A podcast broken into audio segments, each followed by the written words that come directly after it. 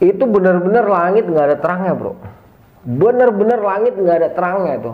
Sepanjang gue di Gunung Salak lepas dari pos 3 mau ke pos 4 itu dari pertengahan itu langit nggak ada terangnya. Belakang gue ada tiga orang pendaki bener-bener pendaki di belakang tapi kalau kita jalan berhenti dia berhenti. Gue bilang kok angin dari tadi gede tapi kok seng ini nggak ada yang bergerak aja nggak gitu kan. Gue liatin. Terus api posisinya juga nggak kubat kabit gitu kan. Gue perhatiin. Nah gue nggak nggak gue tetap nggak nggak itu area makam itu di gini nih. Posisinya di gini nih. Apa sih? Di gini nih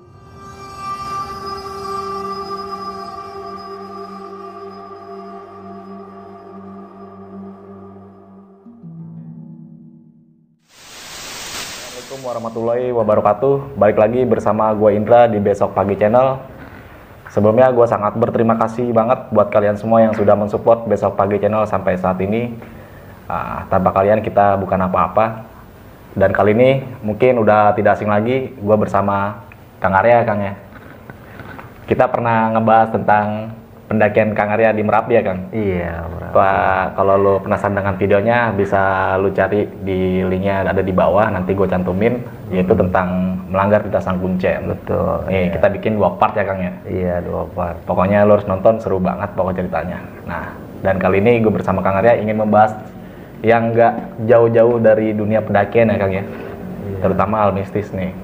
Kang Arya ini nggak usah ditanya lagi sudah melakukan pendakian dari tahun berapa tuh Kang? 92 tahun 92 gue belum lahir.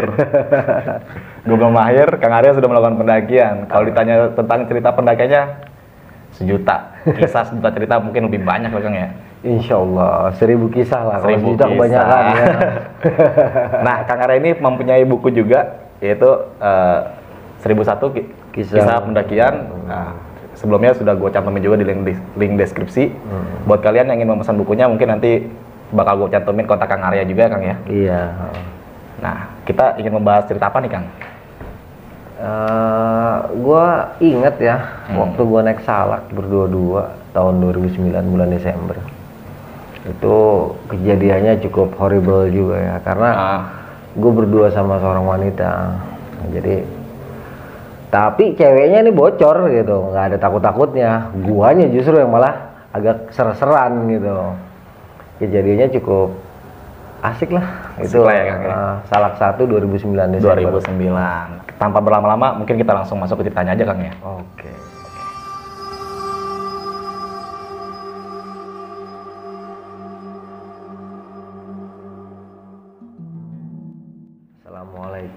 warahmatullahi wabarakatuh. Waalaikumsalam. Selamat malam, sahabat-sahabat dari besok pagi channel. Alhamdulillah pada malam ini Allah Subhanahu Wa Taala masih memberikan kesempatan gue berjumpa lagi dengan tim dari besok pagi channel. Pada kesempatan ini juga gue mencoba menceritakan sebuah kisah ya, sebuah kisah yang sudah cukup lama Ya. sekitar 11 tahun yang lalu. Tetapi kisah ini masih cukup teringat. Ya, bisa dibilang 80% lah dari alurnya tuh masih teringat dengan jelas. Kita langsung masuk aja ya. Hmm. Nah, pada waktu itu gua inget nih sedikit tanggalnya nih kalau nggak salah tanggal 9 Desember sampai tanggal 13 Desember. Ini gua agak inget gitu karena eh, waktu itu gua habis ada acara lah. Jadi gue inget biasanya kan gue nggak inget ya. Hmm. hari bulan tuh gue nggak inget. Tapi ini gue inget beda gitu. Jadi tanggal 9 Desember 2009 sampai tanggal 13 Desember 2009 itu gue berencana mengadakan pendakian ke Gunung Salak. Pendakian ini udah cukup lama direncanakan. Udah cukup lama direncanakan terrealisir pada tanggal segitu ya mungkin eh, apa namanya eh, dari Jakarta tuh ritualnya gue ke Kampung Rambutan naik D19 dari Kampung Rambutan gue nyari bis yang jurusan kepada ke Garut Hmm. pokoknya jurusan yang ke daerah Bandung atau Garut tapi dia keluar di pintu tol pada larang karena si Neng ini teh posisinya ada di Cimareme Hmm. yang ke arah Batu Jajar. Nah, gue naik mobil, jurusan Bandung turun tol pada larang. Begitu sampai tol pada larang pintu tolnya gue kontak si Neng. Si Neng teh bilang katanya gue nggak usah ke kosan dia.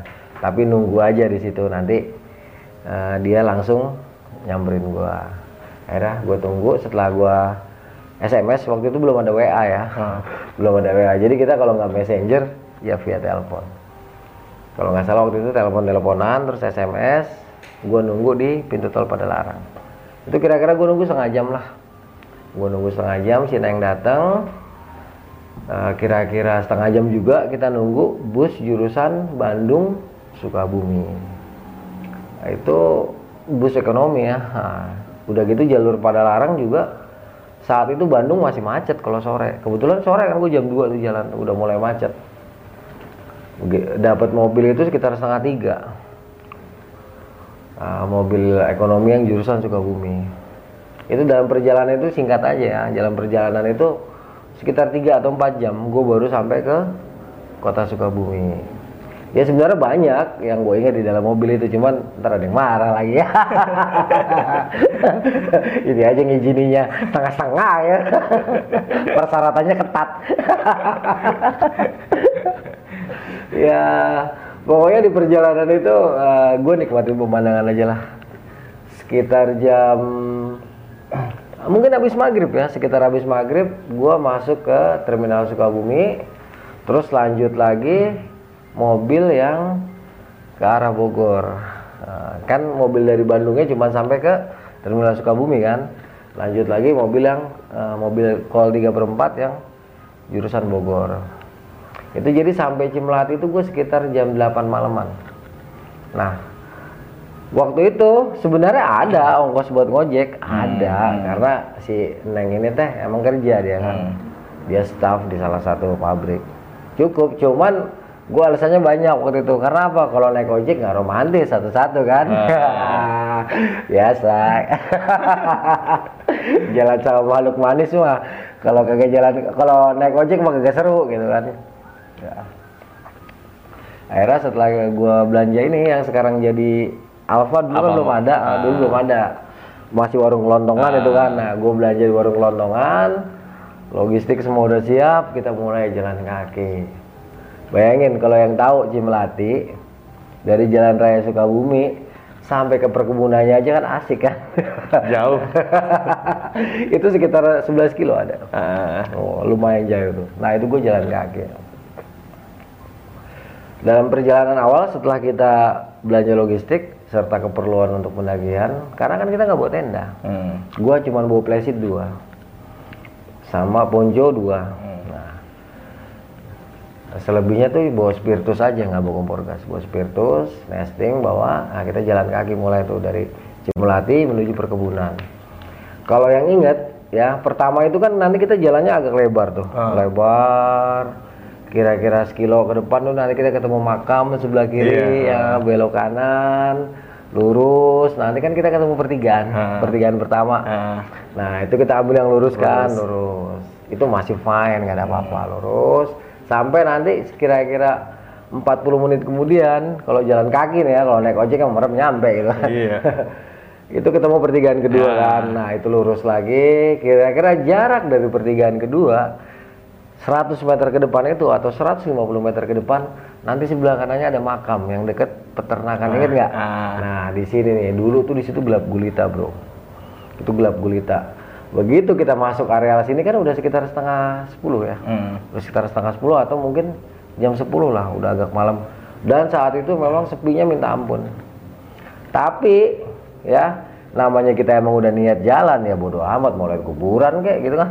Pikirin amat gitu jalan gue tahu nih. Sebelah kanan tuh kuburan gue tahu. Cuman ya no problem lah. Emang masalah gitu. Kalau kita lihat kuburan nggak ada masalah. Cuman masalahnya begitu kita udah menjelang peternakan ayam di ujung kuburan tiba eh merinding gua. Tiba-tiba di sebelah kanan itu ya dulu kuburannya nggak kayak sekarang bro. Dulu kan semek-semek lu tau sendiri kan? Ah. nah di ujung kuburan paling kanan itu jelas. Jelas kelihatan dia begini posisinya nih diem.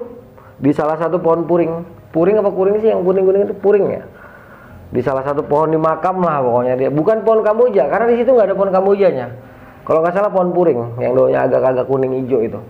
Itu dia diem ngeliat kita gue pertama ngeliat gue bilang astagfirullahaladzim gue bilang. Gue diem aja gue pikir si Neng nggak ngeliat. Nggak tahu si Neng langsung gandeng gue gue langsung diajak jalan cepet. Gitu kan guduk guduk guduk guduk. Gue dalam hati ya dia ngeliat gue kata. Dalam hati gue aduh. Begitu kita lewat ya itu sosoknya berbentuk pocong ya. Itu matanya jelas merah dari jauh. Cuman dia hanya kayak gitu. Jadi setelah kita lewatin areal pekuburan dianya nggak kelihatan cuman merinding nggak ketinggalan terus terusan itu. Jadi kita bentar-bentar nengok bentar-bentar nengok. Nah, perasaan kita tuh terus diikutin sama si pocongan tadi. Itu terus berlangsung perasaan kayak gini sampai gue tiba di gerbang perkebunan tadi. Nah di gerbang perkebunan ini agak lega karena apa? Terang. Ya sepanjang perjalanan mulai dari lepas makam sampai gerbang perkebunan memang nggak ada apa-apa cuman perasaan kita perasaan ya perasaan itu di belakang tetap aja kayak ada yang centul centul gitu. Perasaan cuma begitu kita tengok nggak ada. Nah gue berdua sama si Neng tuh ngerasa kayak gitu kan. Gue ngerasa kayak gitu. Sampai perkebunan kita istirahat dulu di pos satpam tau kan pos satpam? Iya. Hmm, di pos satpam eh, ngurus MCK kira-kira setengah jam lah gua di situ sempat bikin kopi dulu bikin kopi.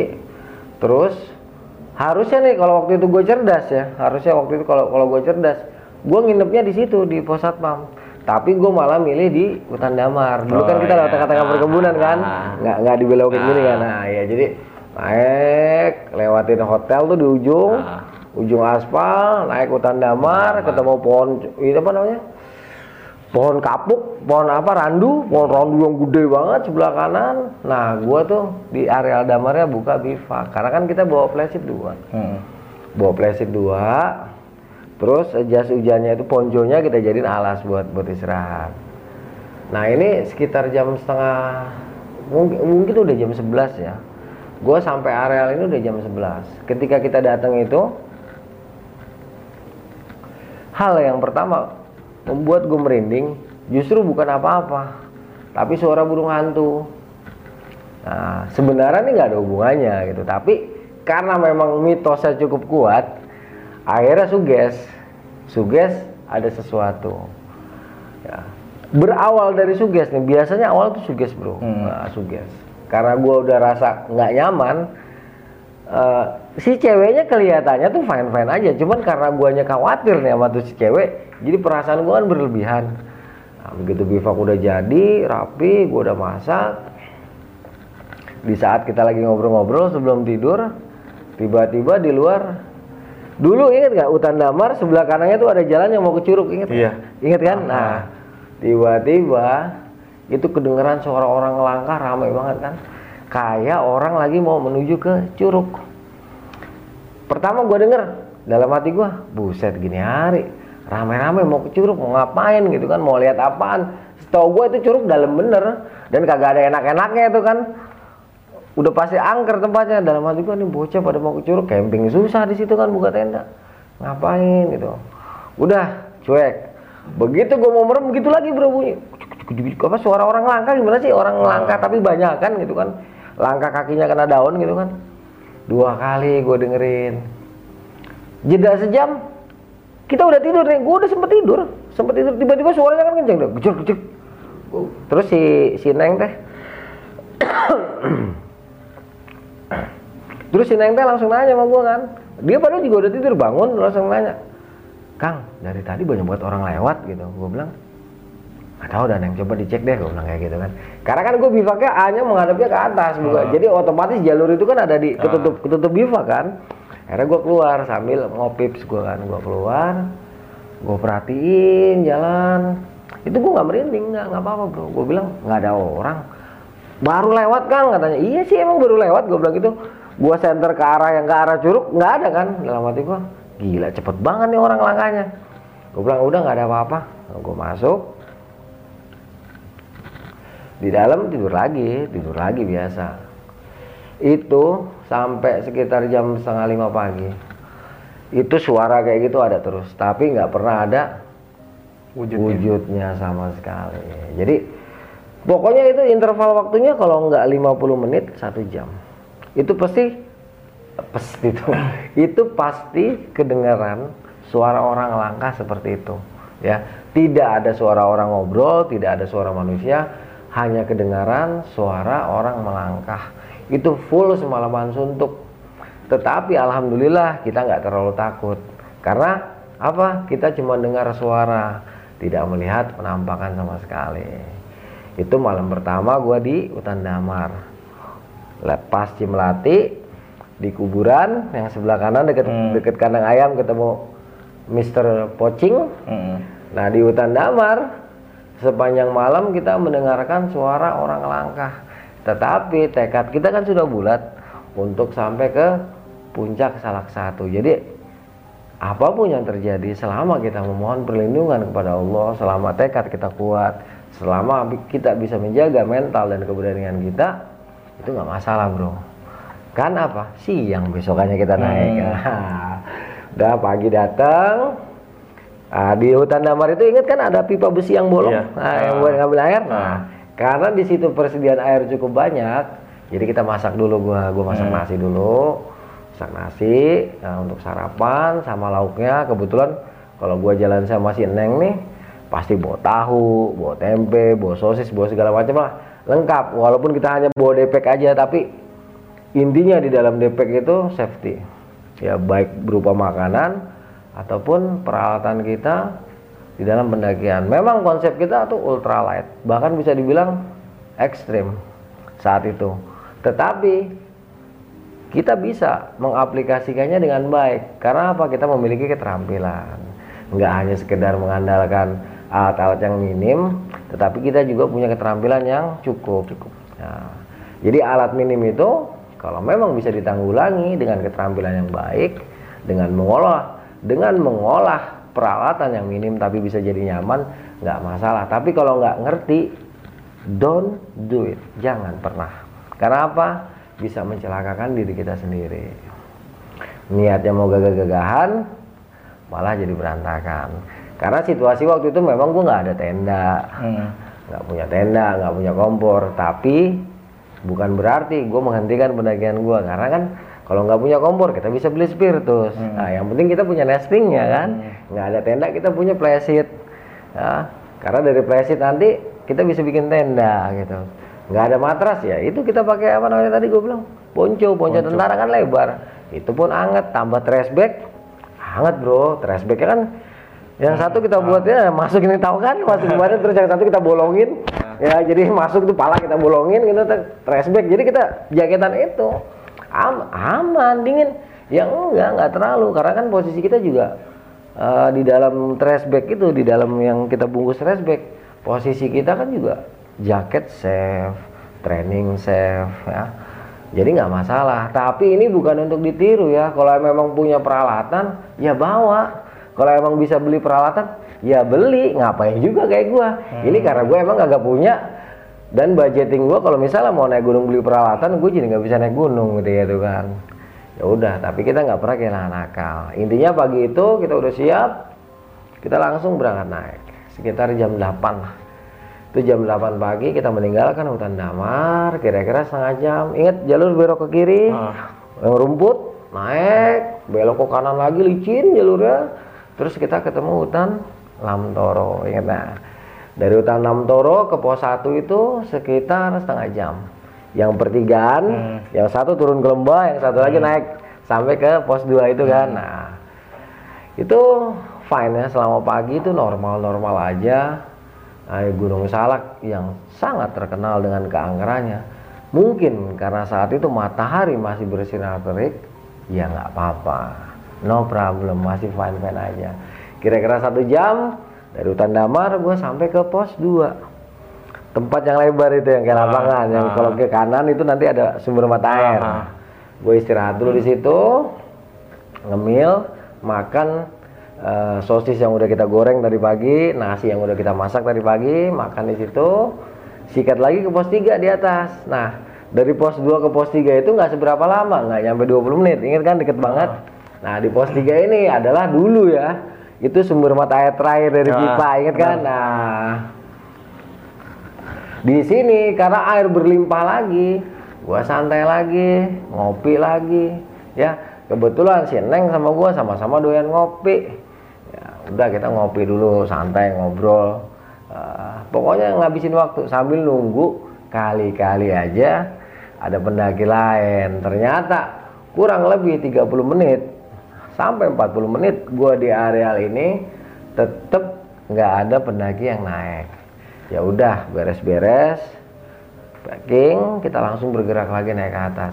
Rencananya tuh sampai ke atas langsung turun secepatnya. Tapi itu kembali lagi ternyata rencana dengan rencana. Bolehlah kita planning rencana di dalam pendakian tetapi jangan lupa kita harus punya backup rencana. Jadi jika rencana pertama kita tidak berjalan dengan baik kita masih punya rencana kedua tentunya dengan peralatan juga logistik cadangan yang kita persiapkan di dalam pendakian kita ini. Jadi walaupun teman-teman ya tektok, tetap aja siapin dah logistik yang lebih hmm. paling tidak untuk dua hari. Ya karena di lapangan ini kita betul-betul kadang-kadang nggak bisa prediksi. Nah. Situasi di lapangan itu terkadang tidak bisa diteorikan. Segala sesuatu berjalan sesuai dengan kondisi dan keadaan pada saat itu. Ya jadi setelah gua di pos 3 ini selesai itu sekitar jam berapa sampai pos 3 itu? Gua sekitar jam 10 lah jam 10 pagi. Secara teori itu kita bisa tektok. Karena dari jam 10 perkiraan gua jam 2 atau jam 3 kita udah sampai ke puncak. Puncak. Sisanya sekitar 3 atau 4 jam. Kita turun jam 7 malam kita udah sampai lagi ke hutan damar. Itu teori yang kita pegang pada saat berangkat. Ternyata di dalam perjalanan lepas dari pos 3 ke pos 4 itu kan jarak paling jauh tuh. Hmm. itu udah mulai mendung. Mendung di pertengahan antara 3 dan 4 itu hujan terus hujannya bukan sekedar hujan tapi kayak ditumpahin dari langit. Jadi jalur salak yang udah licin kayak begitu berubah menjadi aliran sungai kecil. Bisa dibilang repotnya kayak gimana itu. Jadi mau nggak mau begitu sampai pos 4 gue melipir dulu dong bikin bivak ya udah basah cuman kita ngindarin jalur air itu tadi hmm. itu bener-bener derasnya nggak ngapalan itu sampai sekitar satu jam gue ketahan di pos 4 sedang dari pos 4 ke pos 5 normalnya kan 2 jam. Ya. Sampai ke puncak maksud gue bukan ke pos 5. Ya. Itu normalnya kan 2 jam. Gue ketahan itu udah sekitar satu jam. Ditambah lagi perjalanan gue dari 3 ke 4 itu abnormal, sekitar 2 jam lebih. Tambah 3 jam jadi itu gue sampai pos 4 aja udah sekitar jam 2 siang. Ya itu benar-benar langit nggak ada terangnya bro. Benar-benar langit nggak ada terangnya itu. Sepanjang gua di Gunung Salak lepas dari pos 3 mau ke pos 4 itu di pertengahan itu langit nggak ada terangnya.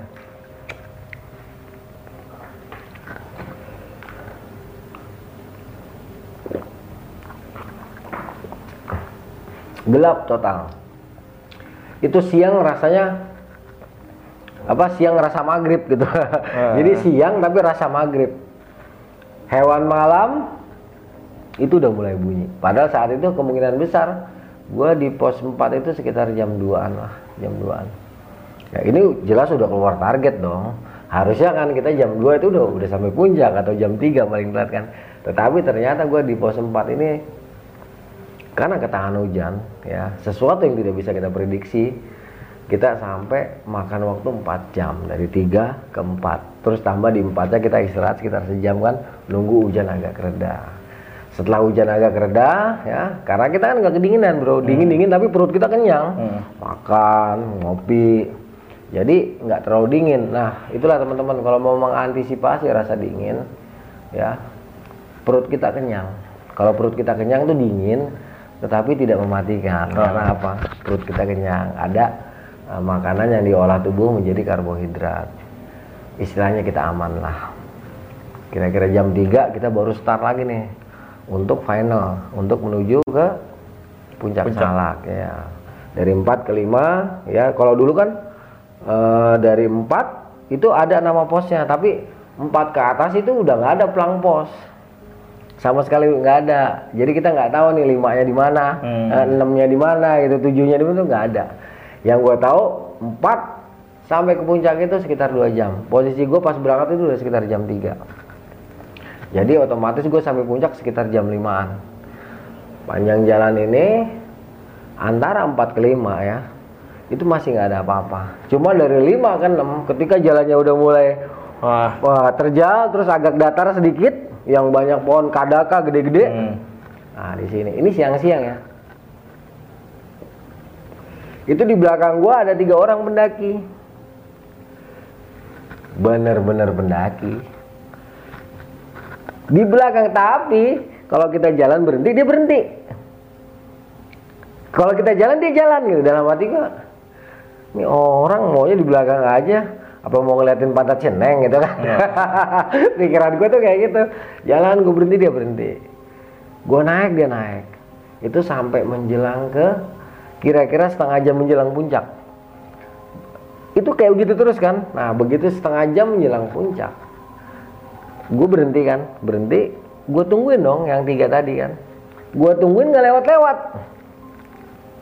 Itu ada sekitar 15 menit.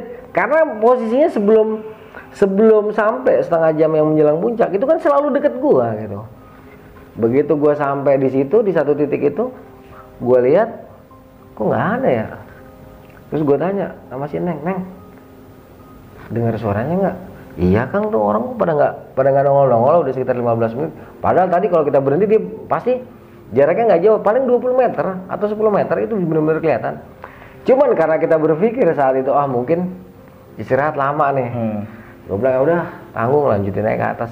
Paling tuh orang apa ngebes mau nggak mau deh gue juga ngebes waktu itu udah sekitar jam limaan lah gue sampai situ sampai ke puncak setengah jam kemudian di puncak itu ada satu tenda. Satu tenda kalau nggak salah anak Bandung juga. Mereka berempat tapi agak jauh. Agak jauh. Mereka tuh nggak tahu kehadiran kita saat itu. Karena udah menjelang maghrib dan mereka sibuk dengan aktivitas mereka. Hmm. Karena gua nggak bawa tenda otomatis dulu mak apa namanya petilasan yang salak itu ya yang sekarang terkenal yang salak. Dulu kan ada bedengseng kayak gitu Iya, pasti ya. Nah. nah di rumah yang biasanya apa namanya yang biasanya para peziarah istirahat saat itu lagi rusak. Nah jadi kita nggak bisa nempatin area itu. Mau nggak mau kita ke area makamnya yang salah karena apa kita berharap bivak kita terlindung oleh eh, gubuk sengnya dari yang salah. Gua masuk ya. Ini kan makamnya di depannya tuh dulu kan makamnya di depannya. Terus ke belakangnya gubuk sengnya kan jadi ya makamnya bukan makam sih kalau gue bilang itu apa ya petilasan lah bukan makam. Jadi posisinya ini eh, yang berbentuk makam di sini kan kita di belakangnya tuh ada ruangan sedikit. Nah gua masih neng posisinya di situ. Buka plesit cuman satu tapi karena apa karena kita udah punya perlindungan dari gubuk seng. Satu bikin nah biasa cuek aja itu. Apa namanya? Eh apa sih yang betonan apa sih? Cor-corannya Cor-corannya. pinggiran makam itu. Ya kita naruh piring di situ masak di situ. Santai nggak ada apa-apa. Nah anak Bandung karena nggak tahu kehadiran kita dan gue waktu itu belum tahu kalau itu anak Bandung ya karena mereka nggak tahu kehadiran kita. Dan tiba-tiba dari dalam makam yang salak terdengar suara orang ngomong. Hmm. ada suara api mereka parno pada berisik di sana. Lu denger nggak? Pakai bahasa Sunda lah gitu kan. Mana apa pokoknya istilahnya lu denger nggak? gitu. Hmm. kira-kira gitu lah gue ngomongnya rada kagok. Lu denger nggak tuh di kayaknya di makam di makam itu wah, ramai banget gitu. Gue gue sama si Neng tadinya nggak paham gitu kan. Hmm. cuman begitu lama-lama lama-lama kayaknya kita diomongin mereka parno gitu kan. Gue ketawa ngakak kan. Tambah panik lagi. Anak gue tuh langsung pada masuk ke dalam tenda. Terus hujan nggak lama. Hujan terus banget. Hujan deras banget. Gue langsung ngomong sama si Neng Neng ini udah hampir jam 7 malam. Anak tiga tadi mana ya? Iya kang ya. Kok nggak nerusin ke atas. Ngebes apa di bawah? Gue bilang kayak gitu kan si Neng bilang iya kali ngebes mereka udah nggak kuat. Ah udah. Udah lupa tuh gua. Lupa. Lupa anak Bandung di tendanya tuh udah kicep. Udah nggak ada suaranya. Udah itu kan petir tuh. Jeger jeger. Kebetulan sebelum hujan turun itu gue sempet di depan makam yang salak itu sempet ada beberapa tumpukan kayu kering. Ya itu sempet gue selamatkan gue kumpulin. Nah gue bikin api unggun kan. Gue bikin api unggun kira-kira sejam kemudian kan hujan berhenti. Anak Bandung itu rupanya memberanikan diri untuk ngecek ke makamnya bukan ke makam ke petilasannya yang salah. Begitu mereka sampai ke depan makam guanya yang kaget. Ah. iya gantian. Karena posisi gua kan lagi ngebelakangin. Ah. begitu dia nyalain senter gua sampai jingkrak astagfirullahaladzim. Dia juga teriak astagfirullahaladzim Woi orang orang bang. Wah sama-sama orang. Gue bilang nah lu kagak tahu gua di sini? Gue bilang apa nggak tahu bang. Akhirnya gua ngobrol tuh. Gua ngobrol. Ternyata itu gue baru tahu kalau mereka tuh anak Bandung. Gue bilang sama gue juga dari Bandung gue bilang kayak gitu. Akhirnya gue ditawarin tuh untuk eh, dia ada tenda satu lagi untuk barang-barangnya dia. Hmm. tenda dua. Dia bilang ya udah ah kalau gitu di tenda dua saya aja gitu. Nanti barang-barangnya kita bikinin bivak tapi si nengnya nggak mau. Nengnya nggak mau kan. Udah akhirnya kita bertahan di situ. Anak Bandungnya setelah kita ngobrol-ngobrol mereka balik posisi gua tetap di eh, makamnya di petilasannya yang salah. Nah di sini baru. Jadi setelah kita mau tidur kan sebelumnya angin gede banget ya. Tiba-tiba itu sua- apa namanya angin itu walaupun kencang tidak sedikit pun menerpa bangunan yang ada di atasnya petilasan yang salah. Betul-betul angin kenceng tapi seng itu nggak bergerak nggak bunyi. Jadi seperti kayak ada apa? Seperti kayak ada ininya tuh tabirnya. Perisai. nah, seperti ada perisainya. Jadi gue bingung nih gue bingung. Gue bilang "Ini kok angin dari tadi gede tapi kok seng ini nggak ada yang bergerak aja nggak gitu kan gue liatin. Terus api posisinya juga nggak kubat kabit gitu kan. Gue perhatiin. Nah gue nggak nggak gue tetap nggak nggak yang nggak sih neng. Ya. Karena gue sama dia nih udah biasa naiknya. Jadi kalau ada apa-apa gue selalu bilang ngomong aja. Peduli amat di lokasi gue bilang kayak gitu. Ngomong kalau ada apa-apa. Karena mungkin saat itu dia udah nggak tahan dia ngomong kang lihat nggak coba kang ke depan lihat gitu kan. Gue nggak ngeliat apa-apa apaan sih nih gue bilang ya udah biasanya harus disugestiin dulu kata dia gitu kan. Diceritain sama dia. Jadi yo itu area makam itu digini nih posisinya digini nih. Apa sih? Digini nih